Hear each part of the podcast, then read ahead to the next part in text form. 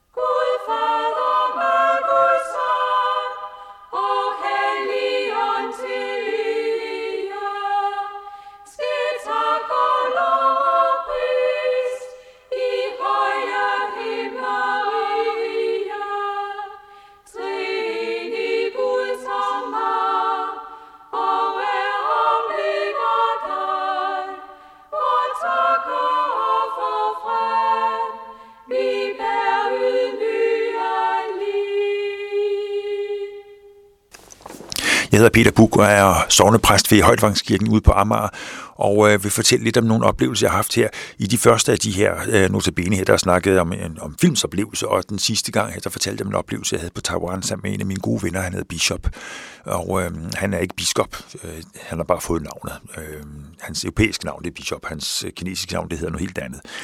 Men vi var ude og se mange spændende ting. Blandt andet så tog han os med hen og så øh, et, et af Taiwans allerstørste buddhistklostre.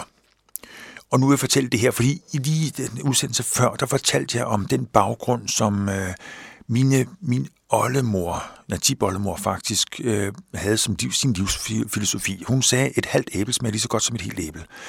Øh, sammenhængen er det, hvis du står og har noget, og den anden ikke har. Hvis du har et æble, og den anden ikke har noget æble, så, så smager æblet, altså det smager det samme, om du deler de to. Det, man får lidt mindre, selvfølgelig om det, men smagen er den samme. Så et halvt æble smager lige så godt som et helt æble. Det var hendes livsfilosofi. Det er delefilosofien. Det er måske derfor, vi godt vil betale skat i Danmark, fordi vi jo gerne, hvis vi ved, at det går til, at andre skal også have det godt, så kan jeg godt holde til at betale skat. Hvis det går til bestikkelse og til bedrageri, så vil jeg ikke have det godt med det. Men øh, er det noget specielt kristent, det at vi deler? Jeg tror, det langt hen ad vejen er noget specielt kristent, at vi er gode til at dele med hinanden. Alligevel skal vi være lidt forsigtige, fordi øh, det er jo sådan, at, at vi har jo ikke patent på at være gode. Der er masser af gode mennesker i verden, heldigvis, ellers var det altså også en trist verden at leve i. Og jeg vil fortælle noget om, om en anden oplevelse, jeg havde. Nu var jeg kom jeg for det her foredrag her, hvor jeg kom til at sige noget, som øh, måske var, var overdrevet. Øh, I hvert fald så rigtigt nok. Det var det der med det halve æble, den er god nok. Men øh, hen til et stort buddhistkloster. Øh, det her kloster var bygget af en meget, meget karismatisk øh, stadigvæk levende buddhist munk, som øh, synes, at der skulle ske noget omkring sig, og det gjorde der sandelig også. Han har bygget et kæmpemæssigt kloster. De har alt, hvad der skal til. Der er en kæmpe Buddha udenfor, ikke helt så stor som den i Hongkong. I Hongkong har de endnu større Buddha, men en stor udendørs Buddha, og en voldsom masse af små Buddha-figurer, der står op af de store figurer, tæt på mindre figurer rundt omkring, og inde i Buddha står der en hel masse små øh, figurer, og så nogle helt bitte små steder. Det. Alt det her er betalt af folk, som gerne vil være tæt på Buddha.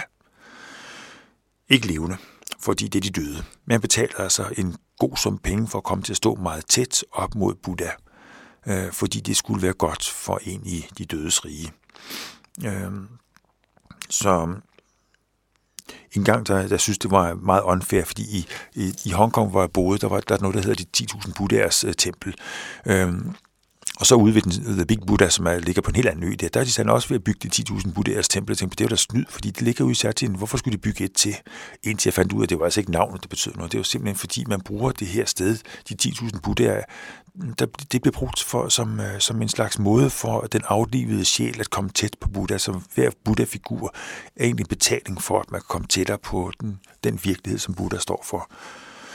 Så stedet, ja, altså alle de mange figurer der er jo egentlig for øh, en slags øh, mausoleum, eller nej, det kan man ikke kalde det. Et sted, hvor, hvor man forsøger at få sine afdøde venners, families øh, sjæle til at komme tæt på, den, til, på Buddha.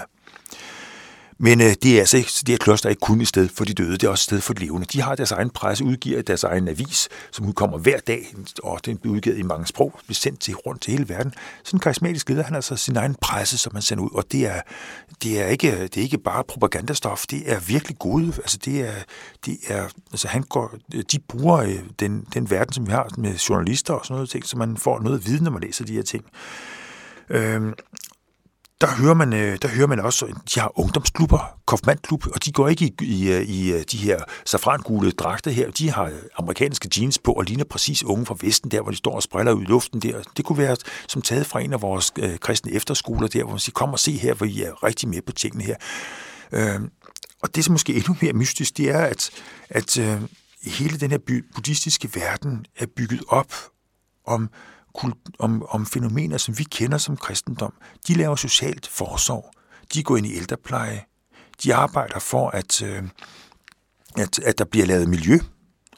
I Shinsu, øh, i den by ret op nord, der er de aktive buddhister sørget for, at der bliver kildesortering af affald. Det har vi da som folkekirke, så vidt jeg ved, aldrig gået aktivt ind i. Det vil sige, før smed man bare ting ud, som, som gik på losseplads. Der var det buddhisterne, der fik gennemtrumfet, at når nu er der kildesortering, sådan så at når, når, når skraldbilen kommer, så bliver det taget op i forskellige beholder, sådan så man kan genbruge ting. Det er da alligevel fantastisk, at, øh, at de, de tænker på den måde der. Og øh, så spiller de ikke kun sige, gammel klassisk buddhistisk musik, de tager også øh, uden problem fat i vestlig musik, i det som, hedder, som for os er klassisk musik, eller moderne musik for den tages skyld.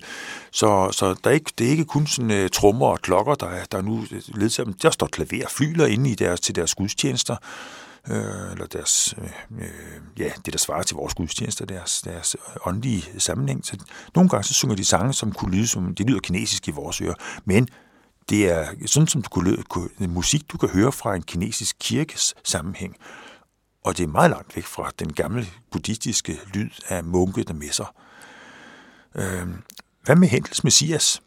Jeg gætter på, at du kan synge lidt med på den, ikke? Halleluja, halleluja, halleluja. Sådan kender vi godt den. Det kan de sandelig også synge i, uh, på, på buddhistisk vis. Der hedder, det, der hedder det ikke bare halleluja, det hedder ametofu, ametofu, ametofu. Så de har lavet den om. Det er den samme melodi, samme musik med violiner og det hele på. De synger bare noget andet. Ametofu, det er en af Buddhas, øh, uh, bodhisattvaer, altså en, en, en, en, uh, en, en, en af Buddhas fremtrædelser i vores verden, som så bliver lovprist her.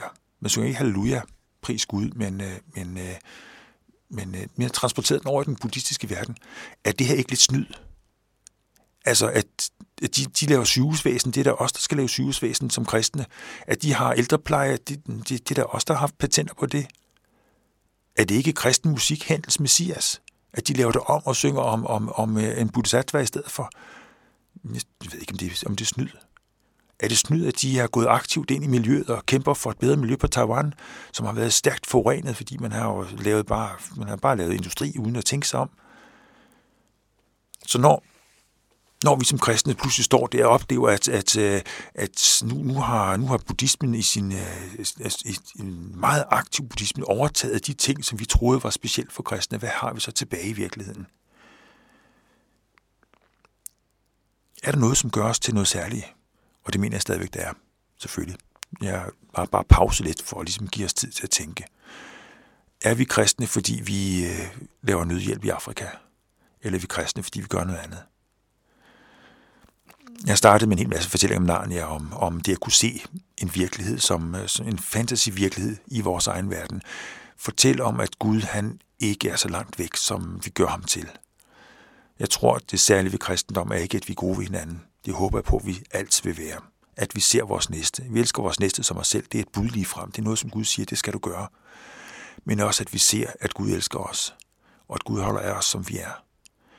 Det helt særlige med kristendom, det er jo, at Gud ikke holdt sig tilbage. Han gav sit liv for vores skyld. Han trådte ind i vores verden, fordi han virkelig synes, vi er værd. Vi er værd at samle på. Vi er værd at være venner med.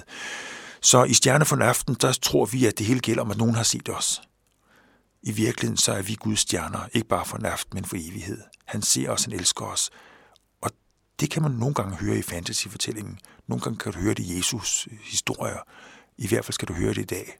Det særlige med at være kristen, det er selvfølgelig, at vi gør godt mod hinanden. Men det helt særlige er, at Gud gør så meget godt imod os.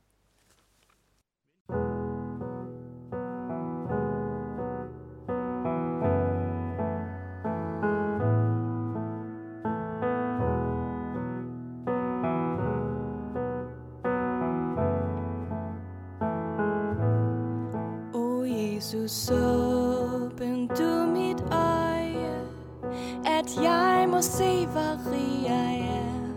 Jeg har en fader i det høje, som fader om så for mig bær, som fader om så for mig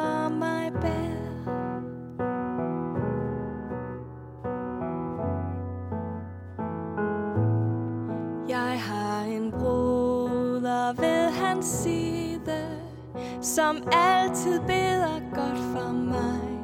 Hans nåde strækker sig så vide, som himmelrummet vælver sig, som himmelrummet vælver sig.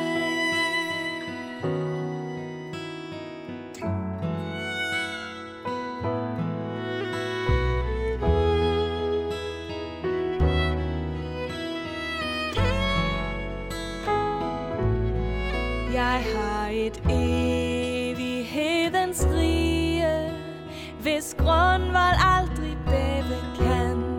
Jeg har